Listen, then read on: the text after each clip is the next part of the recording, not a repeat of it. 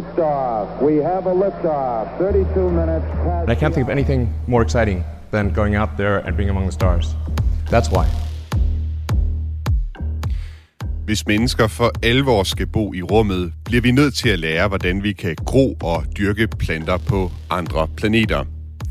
For nylig lykkedes det et hold forskere fra University of Florida at gro planten almindelig gåsemad i månestøv, som Neil Armstrong og andre Apollo-astronauter hentede hjem fra månen i slut 60'erne og start 70'erne.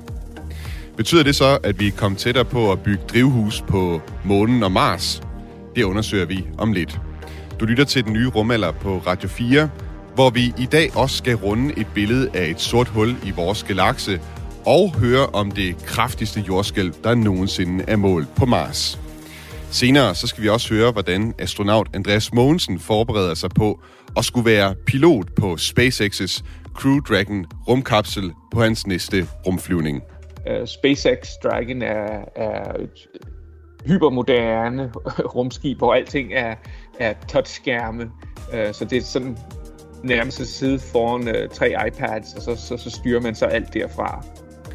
Du kan som altid sms ind undervejs i udsendelsen med dine kommentarer eller spørgsmål ved at skrive ind til nummeret 1424.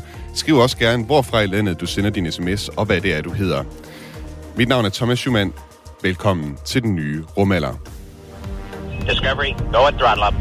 Zero G, and I feel fine. Capsule is turning around. Tranquility Base here. The Eagle has landed.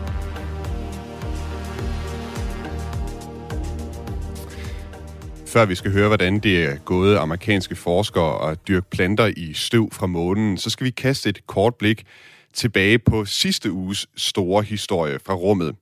For du har måske haft mulighed for at se billedet af det sorte hul i centrum af vores galakse, Mælkevejen. Du ved, det der billede af den orange klat med sådan en sort skygge i midten.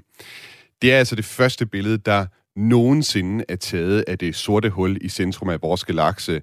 Det sorte hul, som kaldes Sagittarius A-star. Og det er altså en ret stor nyhed blandt astronomer og astrofysikere. Jeg prøver engang bare at høre her, hvordan den britiske astrofysiker Becky Smethurst reagerede på sin YouTube-kanal, da hun så det her billede for første gang. Oh my god, look at it. Oh, it's like so much more like squashed than M87s, and you've got the three bright plots as well, where you've got the like the beaming of light coming towards you. Oh, it's like so similar, but the same as M87 at the same time. Oh my gosh, I never ever thought I'd be able to see an image of the black hole at the center of the Milky Way. Ja, altså en uh, meget begejstret astrofysiker, vi hører i klippet her. Sidste torsdag varmede vi her på den nye rumalder også op til afsløringen af det her billede. Og der havde jeg professor Marianne Vestergaard med som gæst. Hun forsker i sorte huller ved Dark Cosmology Center på Niels Bohr Instituttet. Og vi talte øh, sidste uge, hvad vi ved om det sorte hul i centrum af vores galakse, og hvordan man tager et billede af det. Nu er der så gået en uge, og i går der fik jeg igen fat i Marianne Vestergaard for at høre, hvad billedet så rent faktisk har lært os om det sorte hul. Det allerførste, vi har lært, det er, at øh, der ikke er nogen tvivl om, at det kompakte objekt, som vi ved findes i centret af vores øh, mælkevej, er et sort hul. Det viser netop den her dybe skygge øh, i den her lysfordeling, som vi ser. Der kan ikke være nogen tvivl om det. Og det er faktisk meget vigtigt, fordi øh, vi har forventet, at der er et sort hul, og det siger ret meget om vores teorier og vores øh, forskning på det område der. Blandt andet, øh, eftersom at Mælkevejen er en meget almindelig galakse, øh, og der viser det så, at helt almindelige galakser som Mælkevejen øh, har et sort hul i centrum, fordi det er et meget lille sort hul af de her meget tunge sorte huller at være. Så, så det bekræfter egentlig, at øh, helt almindelige galakser som Mælkevejen vil have et uh, tungt sort hul i centrum. Og så er der også en anden ting. Det er, at øh, vi ser så, at fysikken er helt den samme, når man kommer helt tæt på kanten af det sorte hul. På trods af, at der er en kæmpe forskel i tyngden af de to sorte huller, som vi har set billeder af til nu. M87 er et af de allertungeste enkeltobjekter, vi kender til i universet, mens øh, Mælkevejens sorte hul er 1600 gange mindre, også i tyngde. Øh, men fysikken alt omkring tyngdefeltet, hvordan de sorte huller egentlig er, deres egenskaber, øh, er helt ens. Og det er jo altså, det er jo ret uh, livsbekræftende, i hvert fald for os fysikere, at vide, at oh, jamen, fysikken er, er akkurat den samme, om du ser på en meget kæmpestor monster, eller om du ser på et lille kæmpestort sort hul som vores Mælkevej. Ikke? Øh, og en anden ting, som jeg synes er ret interessant, det er, at de har så fundet ud af ved at kigge på målinger, hvor meget det egentlig lyser, det gas, der ligger der omkring, kan de se, at det sorte hul spiser meget, meget lidt, og meget mindre faktisk, end de havde forventet. Det svarer til, at et menneske vil spise et riskorn i løbet af en million år. Og det må man nok sige, det er lidt af en øh, slankekur. Ja, sådan sagde altså Marianne Vestergaard, der er professor ved Dark Cosmology Center på Niels Bohr Instituttet. Nu skal vi til en uh, anden historie. Vi skruer tiden tilbage til 1969 og en ganske berømt månemission. Okay, Neil, we can see you coming down the ladder now. Okay, I just checked. Uh, Lige før Neil Armstrong tog det første berømte skridt på månen, kiggede han ned og bemærkede, at det grå månestøv på overfladen virkede meget fint. Ja, nærmest som pulver, som vi kan høre ham beskrive i klippet her. Uh, very, very fine grained as you get close to it. It's almost like a powder. Ja, Neil Armstrong og Buzz Aldrin, de tog månestøv med sig hjem til jorden, og det gjorde de andre astronauter, der landede på månen også. Og det støv har forskere altså undersøgt på alle mulige måder siden da. For nylig forsøgte et hold forskere fra University of Florida at gro planter i månestøv, som astronauterne fra Apollo 11, 12 og 17 missionerne har taget med tilbage til jorden. Forskerne de var slet ikke sikre på, at planterne ville spire, men det gjorde de fleste af dem, altså til forskernes overraskelse. Og University of Florida de skriver i deres pressemeddelelse, This work is a first step toward one day growing plants for food and oxygen on the moon during space missions. Jeg har nu forbindelse til Jørgen Eivind Olesen. Velkommen til den nye rumalder. Jo, tak. Du er institutleder på Institut for Agroøkologi, Agroøkologi på Aarhus Universitet, hvor I øh, ja, kort sagt øh, forsker i, hvordan planter gror i jord. Øh, forskerne fra University of Florida, de regnede altså ikke med, at planterne her, de vil spire i månestøv. Hvor overraskende er det for dig? Nej, det synes jeg godt nok ikke er overraskende. Øhm, altså, vi kan få, få planter til at gro øh, næsten øh, hvor, som, hvor som helst, altså på et stykke øh, filterpapir, eller i rockwool, eller i det rene vand. Øh, altså, planter skal grundlæggende bruge vand og næringsstoffer. Øhm, og så skal de også i virkeligheden, og det er jo det, vi har jorden til, det er jo til at holde dem fast, øh, så at sige, så de, de har noget, øh, som rødderne øh, kan støtte sig til, så de kan stå opret. Øh, men, men ellers har de jo i virkeligheden ikke så meget brug for det der jord.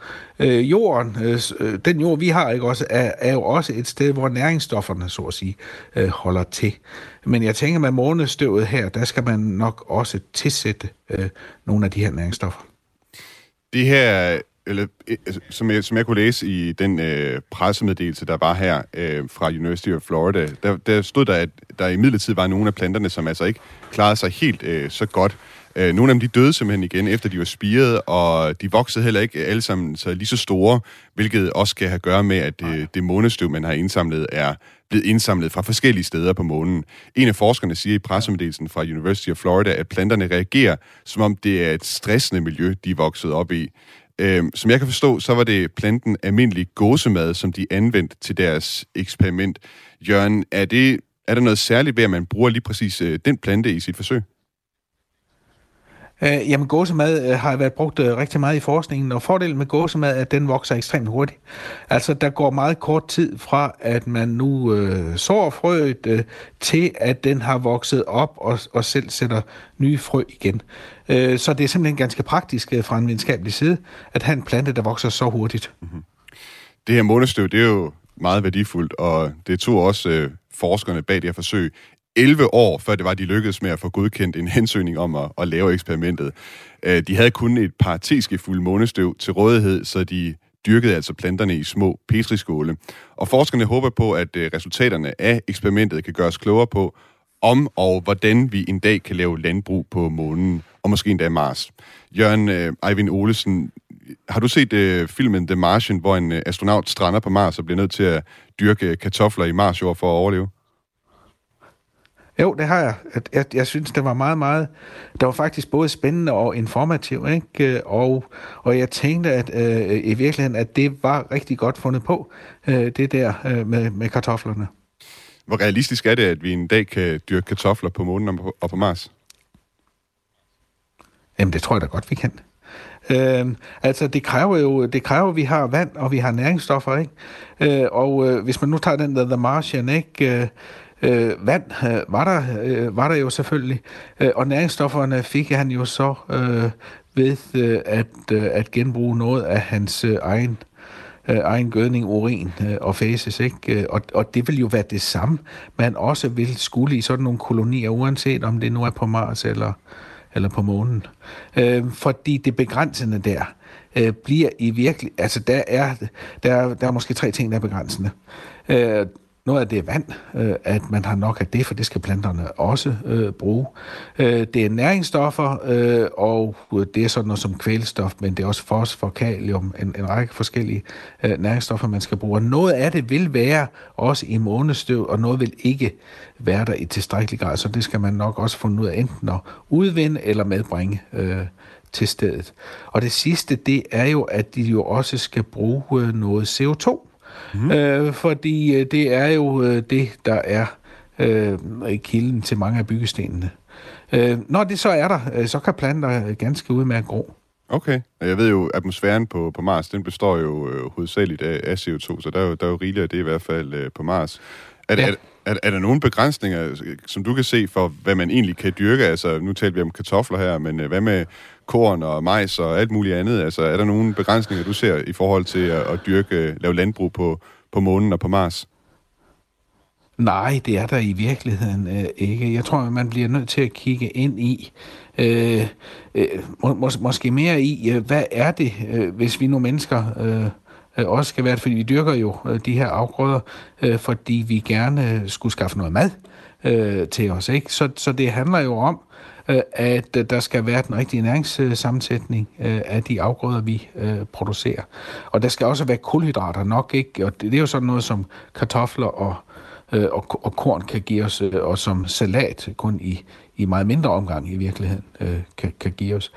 Øh, derudover skal vi selvfølgelig have den rigtige sammensætning af øh, proteiner, aminosyre osv. Så vi bliver nok også nødt til at dyrke nogle bælplanter, øh, for, at, øh, for at vi får det. Øh, og bælgplanter kan jo så også være med, med faktisk til at skaffe øh, noget af i hvert fald kvælstofnæringen. Øh, det forudsætter selvfølgelig også, at der er noget øh, øh, kvælstof øh, i atmosfæren. Øh, det tænker jeg, det er der nok også på Mars. Øh, ikke? Øh, så udfordringen er måske mere på månen, ikke? Øh, at, at få øh, få skaffet både næringsstoffer og CO2 osv. til, at øh, vi kan have tilstrækkelig øh, plantevækst. Mm. Nu er du selv lidt inde på det, den her måde, man skal måske forberede det der støv. Altså, egentlig så taler man jo ikke øh, på månen og på Mars om, at det er jord som sådan, fordi det jord, vi har her på jorden, det er, det er jo på en eller anden måde også allerede øh, behandlet af, af liv, altså alt det liv, der har været der, der ligesom har været med til at nedbryde det. Det har ja. ikke været på samme måde på månen og på Mars. Derfor taler man om regolit. Så der er sådan en, en forberedelsesproces, man skal lave af det støv, der er på månen og på Mars, vel også? Jamen det vil det være, men altså det er jo ikke anderledes, end vi har jo også steder her øh, på, på jorden, ikke? Øh, øh, hvor vi jo har noget lignende øh, agtigt, og oprindeligt har det jo også været sådan. Altså, øh, det, det jord, vi primært dyrker i, ikke? Øh, det, det er jo rigtigt, at det har der groet planter i øh, over meget, meget lang, øh, meget lang periode.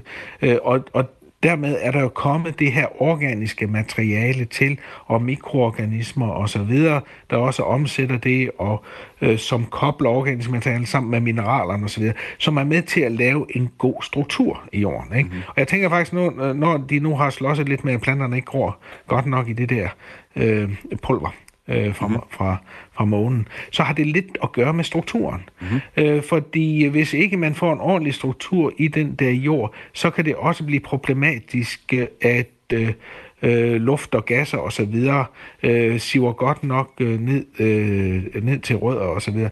Og det det kan negativt øh, påvirke det her. Øh, så det kan jo godt være, øh, at man bliver nødt til at forberede den jord øh, en, en lille smule. Mm. Øh, inden man, man så at sige, øh, dyrker den. Det kan godt være, at man øh, måske, og det, det, kan, det kan man jo gøre øh, ved at blande op øh, også med, øh, med nogle planterester eller noget afføring eller, eller lignende øh, for øh, at, at få startet på det der, plus nogle mikroorganismer. Mm. Jørgen Eivind Olesen, tak fordi du var med i øh, den nye rumalder på Radio 4 i dag. Ja, velkommen da. Altså institutleder på Institut for Agroøkologi på Aarhus Universitet. A ship like no other, its place in history secured. The space shuttle pulls into port for the last time. Its voyage at an end.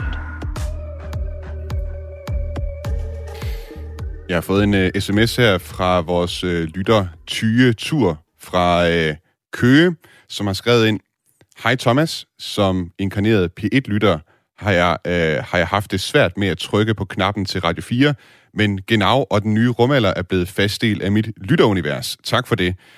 Spørgsmål. Hvor lang tid tager en karuseltur for jorden omkring det sorte hul i galaksens midte?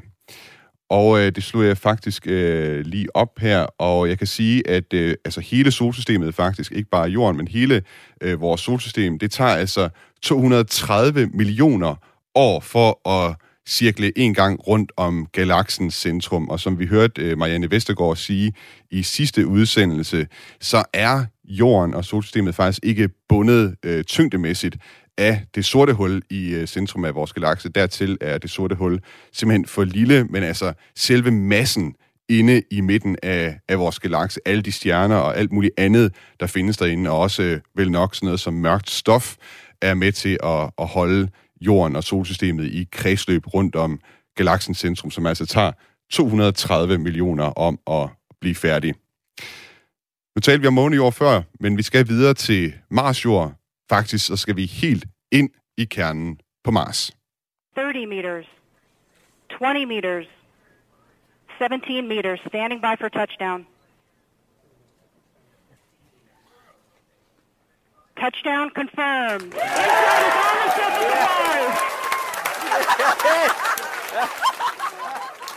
Her i den nye rumalder, der taler vi tit om NASA's robotter, der kører rundt oppe på Mars, altså Perseverance og Curiosity-robotterne. Det er ikke så tit, vi har talt om NASA's InSight-mission, en øh, mission, der landede på Mars i 2018, og øh, som man kunne høre i klippet her.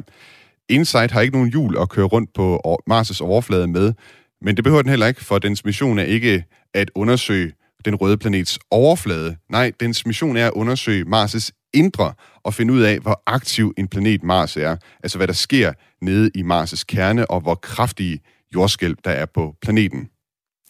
Men den her mission er snart slut, fortalte NASA tirsdag i den her uge.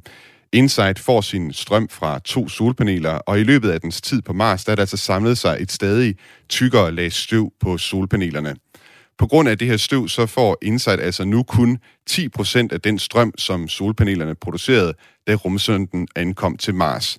Og NASA regner med, at Insight senere på sommeren ikke længere har strøm nok til sine videnskabelige undersøgelser, og når vi kommer til december, regner NASA simpelthen med, at rumsonden helt vil dø. Kjartan Mønster Kink, velkommen til den nye rumalder. Mange tak. Du er lektor i astrofysik og planetforskning ved Niels Bohr Instituttet, og så forsker du også i Mars. Øh, NASA siger altså, at InSight-missionen simpelthen er ved at dø. Hvad er det, vi mister, når InSight holder op med at virke? Jamen altså, det, der, er jo, der er jo flere forskellige måleinstrumenter, men jeg vil sige, det mest, det mest spændende og, og et af, af hovedargumenterne for den her mission var jo det her seismometer, øh, som det er første gang, vi har, vi har øh, monteret et seismometer på Mars. Og det giver adgang til noget viden om, om strukturen af planetens indre, og som du selv sagde, om, om, om den tektoniske aktivitet, altså jordskælv. Øh, og der er det klart, det er godt at have en lang tidsserie øh, og sidde og lytte i lang tid, og, og, og der er det, det, det, den kunne i princippet blive ved, hvis, så længe som rumsonden øh, er i live. Mm. I går der talte jeg med Bruce Barnard, eller Barnard, øh, han, er forsk- han, er, han er det, som NASA kalder en Principal Investigator på øh, InSight-missionen. Det vil sige, at han er, han er egentlig leder af missionen. Og jeg spurgte ham, hvordan det er for ham at være vidne til, at Mars' støv altså langsomt slår hans rumsonde ihjel. Uh, it's it's it's pretty tough. I mean, we we anticipated, of course, you know, technically that this is going to happen, and we we um, always uh, harbored a, a, hope that uh, that uh, the wind or or a dust devil might come along and actually blow off the the dust from the panels and, and give us a new a new lease on on, life. And unfortunately, that hasn't happened, and, and that's that's been a disappointment. Um, you know, Insight's been a, a, big part of my life for, for for a long time. I mean, for the last you know four years, you know, I've I, I wake up every morning and the, the one of the first things I do is is you know get online and and uh, check out the the uh, the the data that's come down from the spacecraft. Check out its its its health. See what what's what it's doing. Make sure everything's okay. Find out what it's told us about Mars. Um, and it will be very different. You know when when when I when I can't do that anymore. You know when when uh, when when Insight goes silent. Um, uh, it's really been you know, th- this is this whole mission has just been a dream of mine um, from a long time ago. I've been working um, on the the, the, the, the kind of science problems that that, that Insight addresses uh, ever since I was in, uh, in, in in the university, and been directly, you know, working on trying to get seismic missions flown to Mars uh, ever since oh the early 1990s, and so Insight is uh, has uh, is sort of a culmination of of you know my professional life for you know the last 30 years or so and and uh, I I'm not sure you know what I'm not sure exactly you know what what will take its place when it's gone but uh, I don't know maybe maybe I can start you know going back to some of the hobbies I had way back before Insight came along. Pick up sailing or something like that. Yeah, yeah. I, I, do. I do like hiking and bicycling, so uh, I'm, I'm thinking of, of uh, maybe taking a, a long uh, bicycle trip through the Appalachian Mountains. Ja, for lige at opsummere, hvad Bruce Barnett han siger her, så siger han altså, at det er, det er rimelig hårdt, det er tough at se, at, øh, at støvet på Mars simpelthen er ved at tage livet af den her rummission. Han, øh, han og de andre, de har simpelthen håbet på, at der kunne være sådan en såkaldt dust devil, altså en lille slags øh, skypumpe, der kunne komme forbi og fjerne noget af støvet fra solpanelerne. Og det er en stor del af hans liv, han har, han har brugt på, øh, på det her. Det er simpelthen en kulmination for hans, øh, hvad skal man sige, professionelle øh, virke. Kjartan øh, Mønster Kink, kan du øh, genkende de her følelser, som øh, Bruce Barnard han taler om i forbindelse med, at øh, en mission altså på den her måde lakker mod enden? Ja, altså jeg, jeg arbejdede sådan øhm, i, i en del år ret intenst med, med, med de rover-missioner, der hed Spirit Opportunity. Man kan sige, at jeg var koblet lidt ud af dem på det tidspunkt, hvor de sluttede, men, men det er da en, en vemodig fornemmelse. Øh, og, og, og for Insight her, det er jo sådan lidt et... Øh, Mars, er, Mars er på vej ind i en, en støvrig år, altså Mars har ligesom to årstider, en, en, en årstid, hvor der er mere støv i atmosfæren, og en, hvor der er mindre støv i atmosfæren. Øhm, og, og vi er nu på vej ind i den mere støvrige årstid, og der, der kan man sådan nogenlunde regne med, at, at mængden af støv i atmosfæren vil stige, og så kommer der selvfølgelig lidt mindre øh, sol ned til overfladen.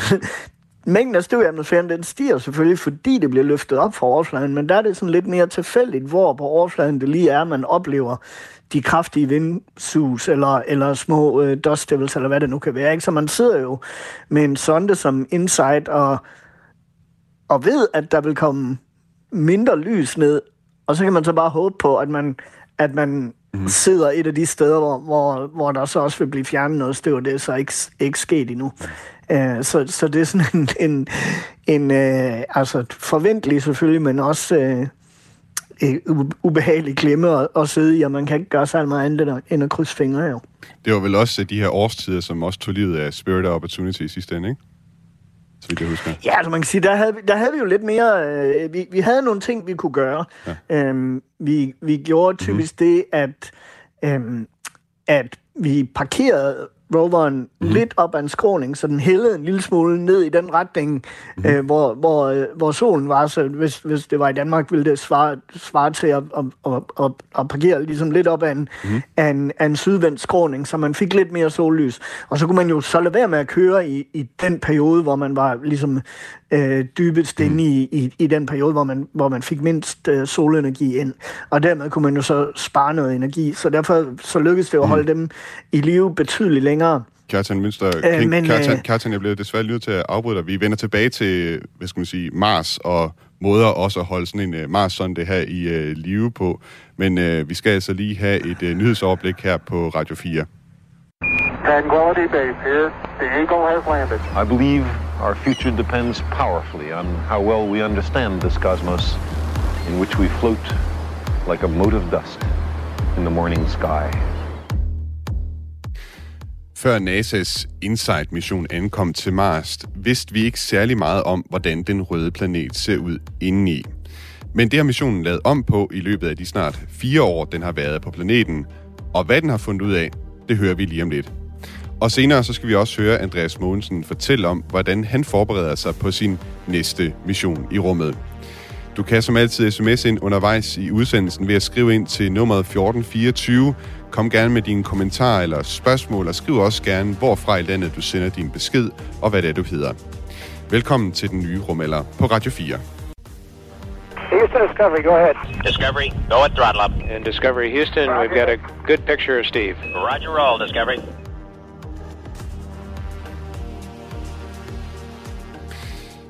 Og med mig har jeg stadig Kjartan Mønster Kink, der er lektor i astrofysik og planetforskning ved Niels Bohr Instituttet.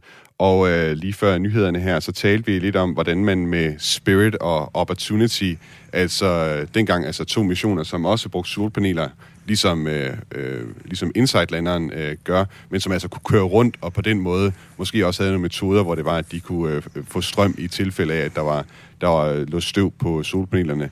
Vi har fået en øh, uh, sms, uh, øh, uh, Kjartan, fra en uh, lytter, der hedder Jan, som har et spørgsmål til det her. Han spørger, hvorfor er der ikke koste, der kan fjerne støv fra solpanelerne? Ja, det, det er jo et spørgsmål, som, som jeg også får tit, når jeg fortæller om de her situationer. Det kunne man jo også godt gøre, men, men alt i de her design er jo en afvejning. Øhm, hvor man, hvor man hele tiden er presset til at holde massen nede, holde strømforbruget nede. Sådan en kost ville i også veje noget. Og så kunne man måske også bare gøre solpanelerne en lille smule større, og på den måde få lidt mere energi ind, så at man kunne holde lidt længere. Der er også noget kompleksitet forbundet i alt det bevægelse. Hvad så, hvis den kost pludselig øh, holder op med at virke og sidder foran solpanelerne og skygger for noget af dem. Øh, så der er en hel masse tester og sikkerhed i, hvordan man, man får sådan noget mekanik til at virke. Øh, og den vil jo også bruge noget strøm. Øh, så, så det vil, det, jeg tror, det vurderes at være for, for komplekst og, og kostbart i forhold til masse og strøm, øh, i forhold til den gevinst, man, man fik ud af det. Mm. Øhm, man, man, man har selvfølgelig også andre muligheder. Man kan vælge en helt anden strømkilde, som man jo har gjort med, med, med nogle af de senere missioner, som er, er større. Øh, og man designer jo generelt de her missioner til at holde en vis tidsperiode. Der er også andre ting, der gør, at de, de slides. Øhm, så så det, er, det er jo simpelthen bare sådan en, en afvejning. Mm. Det er faktisk også noget af det, jeg talte med Bruce Bannert om, som altså er Principal Investigator, altså hvad kan man sige, lederen af Insight-missionen, om hvad det er, man har gjort i det hele taget, for at prøve at, og, hvad skal man sige, få det her støv væk. Øh, for han fortalte mig faktisk, at sådan set i bagkl- bagklodskabens lys, så ville han da have ønsket sig, at de havde designet Insight på en måde, så man altså eventuelt med sådan en kost, der kunne fjerne noget af støvet. Men øh, fordi man altså ikke gjorde det netop af hensyn til de videnskabelige instrumenter, man også gerne ville have med på missionen, så blev holdet øh, simpelthen nødt til at være lidt mere kreativ for at finde en løsning. Og man fandt på en, en metode, som kan virke noget uortodox, ja måske endda sådan ret øh, u- ulogisk i virkeligheden. Faktisk så valgte de at fjerne støv på solpanelerne ved at kaste sand på solpanelerne. And so when they presented that idea to the engineers, the engineers were were were horrified at the thought of actually, you know, putting more dirt on the solar panels was was not the the, the idea that that they thought was a, a very good one. Ja, ingeniørerne, som har været med til at designe den her rumsonde, de var altså forfærdet over at høre det her forslag, som holdet bag Insight, de, øh, de kom med, at man simpelthen øh, valgte at kaste sand på solpanelerne, for at så på den måde fjerne støv fra, fra solpanelerne. Bruce, han øh, fortalte mig, at grunden til, at det så rent faktisk virker, selvom det virker sådan helt øh, ulogisk, det er, at det faktisk kan være svært for vinden på Mars at blæse støv væk fra solpanelerne. når støvet det ligger, øh, eller over tid, det ligesom får lov at lægge sig på øh, panelerne, så kan det sådan sætte sig en smule fast. Så ved at hælde sand på solpanelerne med Insights skovl, så kunne man altså på en måde løsne støvet, og på den måde kunne vinden være, være i stand til at, at blæse det væk. Kjartan, øh, hvad tænker du om den løsning, de fandt på her? Jamen, det lyder sjovt. Det, det, altså, det er jo kreativt, og det er jo, når man kommer langt hen i de her missioner, længere end deres ligesom, designede levetid, så er det jo, at man, man begynder at arbejde med sådan nogle kreative løsninger for at, at, at prøve at, øh, at holde dem i live så, så længe som muligt. Det er rigtigt nok, at, at støvet på Mars er sådan, det opfører sig lidt anderledes, end, end man intuitivt. Øh, det er meget, meget fint. Ikke? Hvis du forestiller dig, at du drysser mel på dit bord, og så vil du gerne puste det mel væk det er faktisk ikke så nemt at, at puste mel af et bord, især ikke, hvis der, hvis der måske også er en lille bitte smule fugt, men, men, men, øh, men i det hele taget. Øh, og så fordi atmosfæren er så tynd på Mars, så, så er den et, et, lidt mindre effektiv til at, at, at, at lave og, og, og skubbe til støv, som, som er meget, meget fine partikler, der ligger dernede.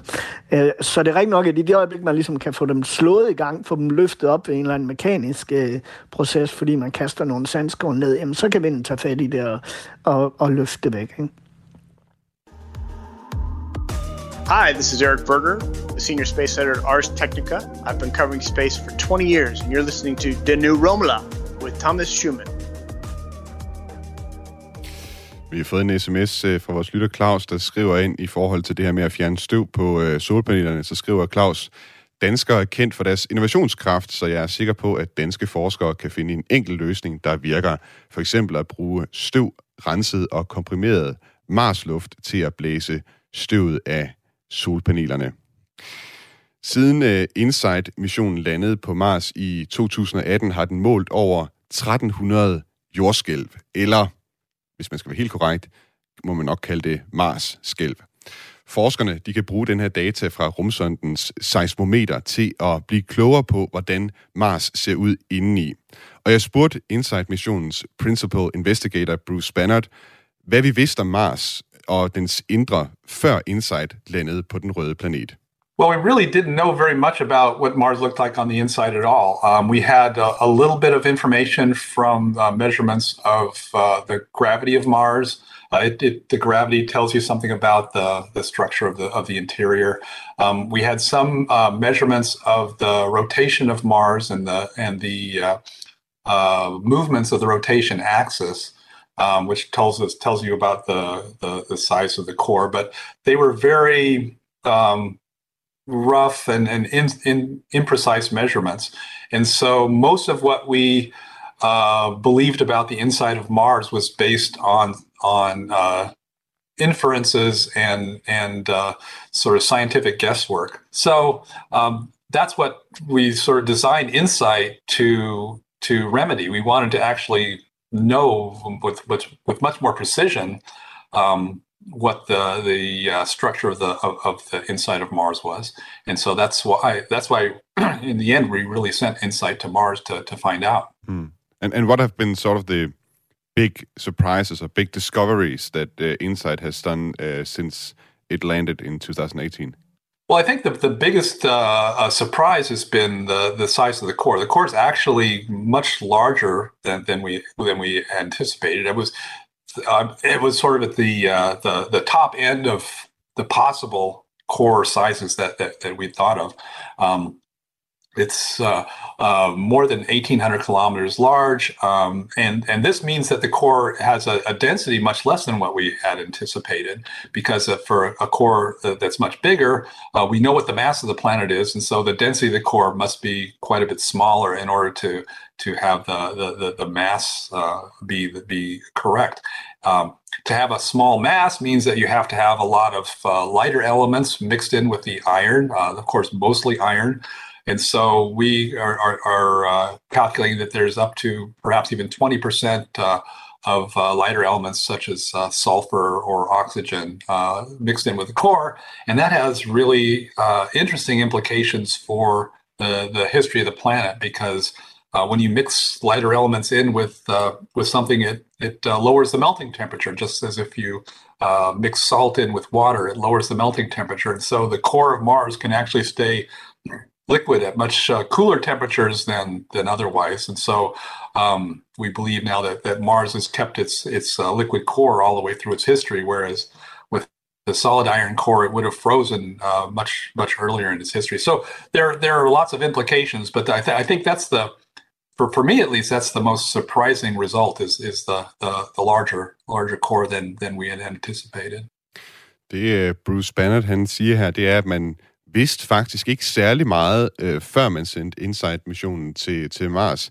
Faktisk så var det mere eller mindre sådan lidt øh, videnskabeligt gætværk, man havde om i forhold til, hvordan Mars rent faktisk så ud inden øh, dybt nede under overfladen.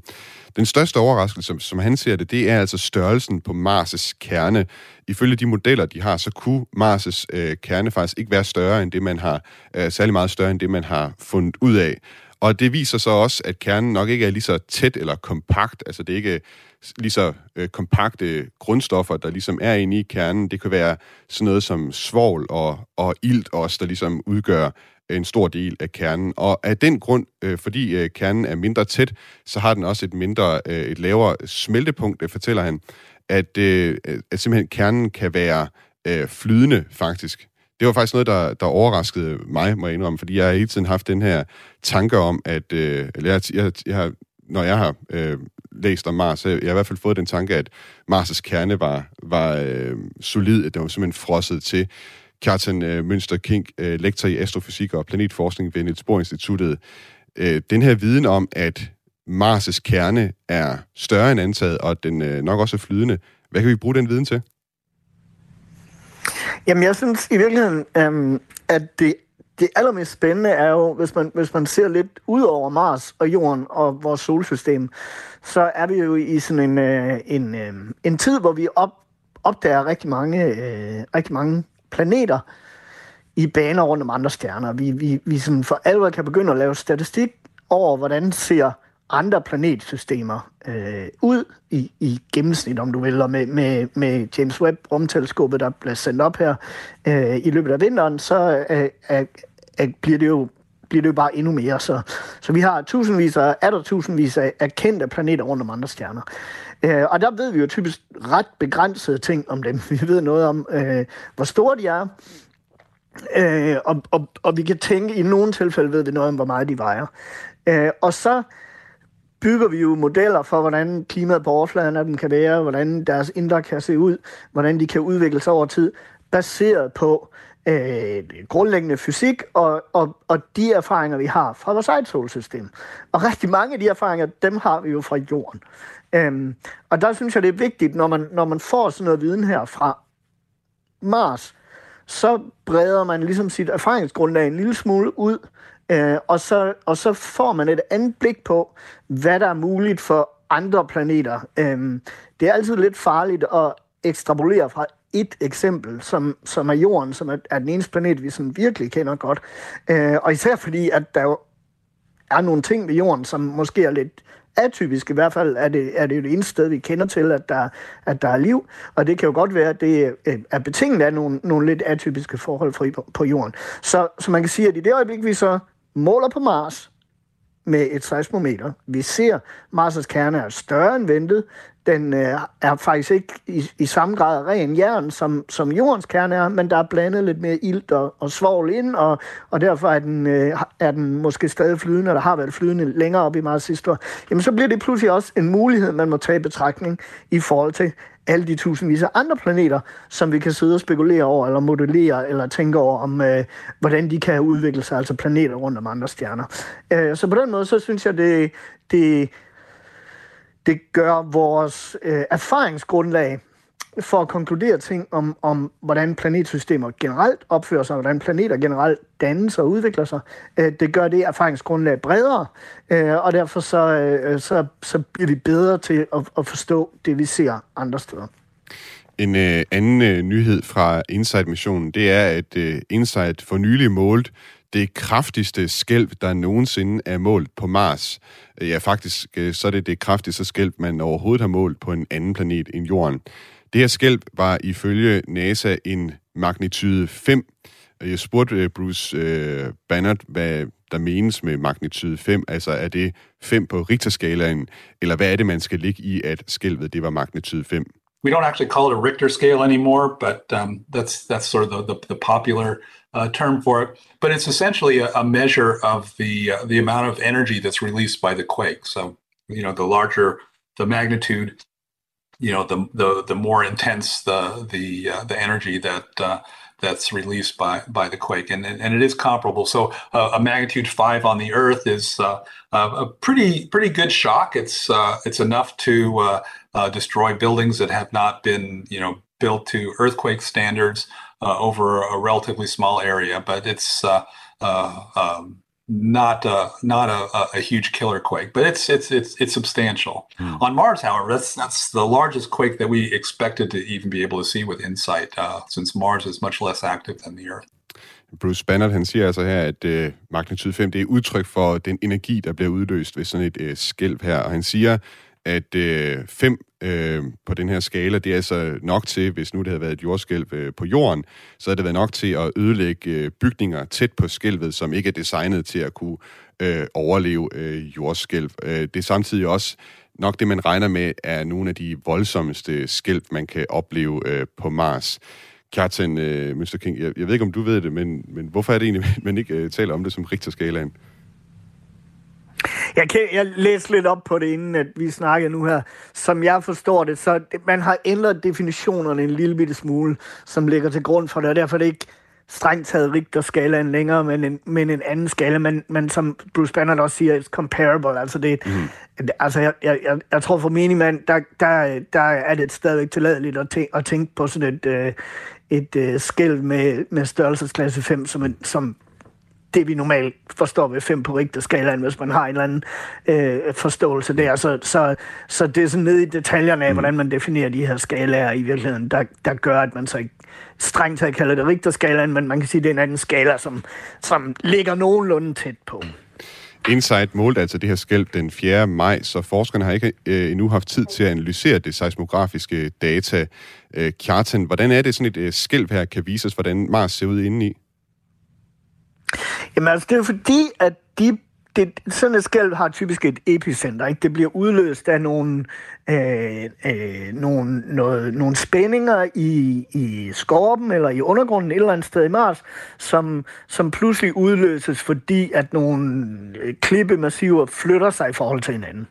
Øh, og det laver så sådan et, et skælv, eller en, en, en lydbølge er det jo i virkeligheden, som øh, en, en rystelse i, i planetens indre, som så bevæger sig igennem planetens indre.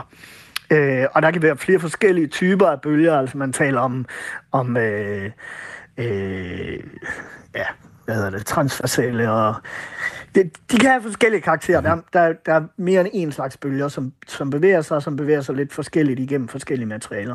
Øhm, og det vil sige, at, at det signal, man så får der, hvor seismometeret er, det fortæller en noget om, om, om øh, strukturen af det materiale, som, som, som bølgen har bevæget sig igennem. Og det kan jo være sådan noget som, hvor, hvor, hvordan er tætheden ned igennem øh, planetens øh, indre, øh, og hvor, hvor er der nogle, nogle kraftige skift, altså nogle grænser, hvor tætheden den ligesom springer. Det er jo så det, vi siger fra skorpen til kappen til, til kernen. Øh, det er klart, at hvis man har rigtig mange målestationer, og man sidder og måler i lang tid, og man kan ligesom triangulere, så er det bedre, end når man kun har én målstation. Men selv med en, som vi så har her på Mars, øh, og som jo er den første på en anden planet end Jorden, hvis, hvis man ikke tæller månen, øh, så, øh, så, så kan man stadigvæk lære, lære en del. Mm. Kjartan uh, Mønster King, tak fordi du vil uh, være med i uh, den uh, nye rumalder i dag. Selv tak. Altså lektor i astrofysik og planetforskning ved Niels Bohr Instituttet. Lift off, the final lift off of Atlantis on the shoulders of the space shuttle. America will continue the dream. Før vi runder helt af for i dag, så skal vi også lige høre fra Danmarks helt egen astronaut Andreas Mogensen, for han er godt i gang med at forberede sig på sin næste mission i rummet, som er planlagt til tidligst næste år og senest i 2024. Sidste gang han var i rummet, der fløj han op til den internationale rumstation på det russiske Soyuz-rumskib. Denne her gang skal han flyve på SpaceX's Crew Dragon rumkapsel. Jeg talte med Andreas Mogensen i sidste uge for at høre, hvordan det går med hans træning. den her uge, den er fokuseret på, på SpaceX og, og, og Dragon rumskibet, øh, som jeg skal flyve op til rumstationen øh, i, og så lande i igen. Så det er øh, en blanding af teoretisk træning og så praktisk træning. Jeg sidder i et klasseværelse og får øh, undervisning i alle de forskellige systemer, øh, altså hvordan Dragon rumskibet er opbygget, øh, hvordan det er udviklet, hvordan alle de forskellige systemer fungerer. Øh, og så har vi så en simulator, som vi så bagefter går hen og sætter os i, øh, og så ser vi så, hvordan øh, tingene foregår, altså hvordan øh, alle de forskellige faser forløber, øh, hvad vi kan forvente, hvordan øh, computeren styrer rumskibet, øh, hvordan vi kan overtage styringen manuelt, hvis det skulle blive nødvendigt, hvordan vi overvåger alle systemerne, også bare hvordan alle systemerne er opbygget, altså hvordan, hvad, hvad består life support systemet i, ikke? altså hvor mange ildtanke er der, hvordan bliver luften fordelt, hvordan bliver øh, CO2 øh, fjernet fra, fra den luft, øh, vi udånder osv. osv. Øh, navigationssystemerne, guidance-systemerne, alt sådan noget skal vi jo øh, forstå, hvordan de er, er udviklet, og hvordan de fungerer. Jeg kan godt huske nogle af de øh, videoer, der også blev taget af dig, øh, dengang du trænede forud for din øh, første mission i rummet, hvor du var over i, øh, i Rusland og træne i de øh, simulatorer, der er derovre med Soyuz-rumskibet. Øh, Hvor anderledes er den her træning, du får med at, at træne dig op til SpaceX øh, Crew Dragon rumkapslen øh, i forhold til den træning, du fik øh, på, til din første rumflyvning? Man kan sige, øh, ideen bag træning er jo det samme. Ikke? Altså, der er jo en masse teoretisk træning, og så bagefter øh, så, så sidder man i, i simulatoren øh, og lærer, hvordan rumskibet øh, fungerer. Øh, men altså, der er jo enorm forskel øh, på, på Soyuz og så Dragon, og det er jo utrolig spændende at se. Soyuz blev udviklet i, i slutningen, slutningen af 60'erne. Det var jo faktisk Sovjetunionens øh, svar til Apollo-kapslen. Øh, Soyuz skulle have taget øh, sovjetiske kosmonauter til månen. Øhm, men det, det betyder selvfølgelig også, at det er på nogle måder gammeldags, altså når du skal have tændt for, øh, for, for, for ildtanken eller, øh, eller andre ting, så er der jo virkelig store øh, man sige, ventiler eller håndtag, du skal dreje på for at åbne øh, for, for de forskellige tanke. Uh, SpaceX Dragon er, er et hypermoderne rumskib, hvor alting er, er touchskærme. Uh, så det er sådan nærmest at sidde foran uh, tre iPads, og så, så, så styrer man så alt derfra. Der, der er meget få sådan uh, fysiske håndtag, man skal dreje på. Din, din træning må vel også være anderledes nu, hvor du skal være pilot på missionen? Jamen altså, jeg var jo også øh, under Soyuz-missionen. Øh, der var jo også en, en form for pilot, selvom øh, i, Rusland så hedder det så flight engineer eller flyingeniør. Øh, så jeg, jeg havde egentlig samme rolle øh, på Soyuz, som, som, som jeg har på, øh, på, på Dragon. Øh, her hedder det bare pilot. Men øh, min opgave øh, på min sidste mission, det var jo netop også at arbejde med Commander. Øh, og jeg blev også øh, trænet i at kunne styre Soyuz øh, fuldt manuelt, hvis det skulle blive nødvendigt, hvis for eksempel kommanderen skulle øh, pludselig få det dårligt og være ude af stand til at, at, at styre kapslen selv. Jeg så vist nok øh, på Instagram, øh, du lagde en video op, hvor at, øh, du stod øh, sammen med en øh, astronautkollega fra, fra NASA. Hun var iklædt en, øh, en øh, rumdragt. Hvad, hvad var det for noget, I lavede der? Ja, vi skal jo trænes i alt Øh, ikke alene i, i, i Dragon-rumskibet, men også øh, i alt, hvad der har med rumstationen at gøre. Øh, og, og det gælder også øh, for eksempel at gå på rumvandring. Um, og rumdragten, som vi bruger, når vi skal på rumvandring, det er jo på mange måder et, et lille personligt rumskib, man, man ifører sig. Selvom vi kalder det en dragt, så er det jo nærmere, nærmere set en, et, et rumskib, for den har jo alle de systemer, altså uafhængige systemer, som skal holde dig i live i, i 6-7 timer, mens du er udenfor. Du er jo ikke forbundet øh, til rumstationen på nær en, en sikkerhedslinje, men al, vil sige, alle de systemer, der skal holde dig i live, det, det har du i dragten, og det gælder for eksempel din ildtanke, øh, udstyr til at, at fjerne den CO2, du udånder, batterier, computersystemer, varmesystemer, kølesystemer osv. osv. Um, så det tager, det, det er en lang proces at, at skulle tage den rumfart på og gøre klar til at gå på en rumvandring. Og det er jo det, som, som vi trænede sammen her i, i sidste uge. A ship like no other, its place in history secured, the space shuttle pulls into port for the last time. Its voyage at an end. Det var altså i sidste uge, jeg talte med Andreas Mogensen om hans forberedelser i forbindelse med, at han skal op og flyve i rummet igen. Og jeg talte også øh, bagefter med en øh, for nylig med en øh, medarbejder i Undervisnings- og Forskningsministeriet, for derinde der har de modtaget forslag til, hvad Andreas Mogensens mission skal hedde, og også forslag til de eksperimenter, han skal udføre på den internationale rumstation. Og der har været deadline, og medarbejderen fortalte mig, at dem, som har stillet forslag til eksperimenter, de får besked om de er købt eller solgt den 15. juni, og at navnet på missionen offentliggøres den 17. august. I alt har ministeriet modtaget 200 navneforslag og 14 forslag til eksperimenter. Den nye rumalder var i dag tilrettelagt af Frederik Lyne, redaktør er Camilla Høj Eggers. Mit navn er Thomas Schumann. Musikken, vi har brugt undervejs i udsendelsen, er lavet af Test Shot Starfish. Husk, at du kan høre alle tidligere udsendelser af den nye rumalder i Radio 4's app, hvor du også kan følge programmet og få alle opdateringer med. Hvis du kan lide den nye rumalder og synes, at andre også skal høre programmet, så vil jeg da opfordre dig til at gå ud og fortælle vidt om bredt om programmet. Eventuelt anbefale det til en god ven. I løbet af sommeren, så laver vi en Apollo-serie her på den nye rumalder, så hvis du har en god historie eller en fun fact i forbindelse med Apollo-månelandingerne, så må du endelig skrive til os på den nye rumalder, snablag radio4.dk. Tak fordi, at du lyttede med til den øh, nye rumalder i dag. Ad Astra. We should have a base on the moon, like a, a permanently occupied human base on the moon, and send people to Mars. You know, and a city, build a city on Mars. That's what we should do.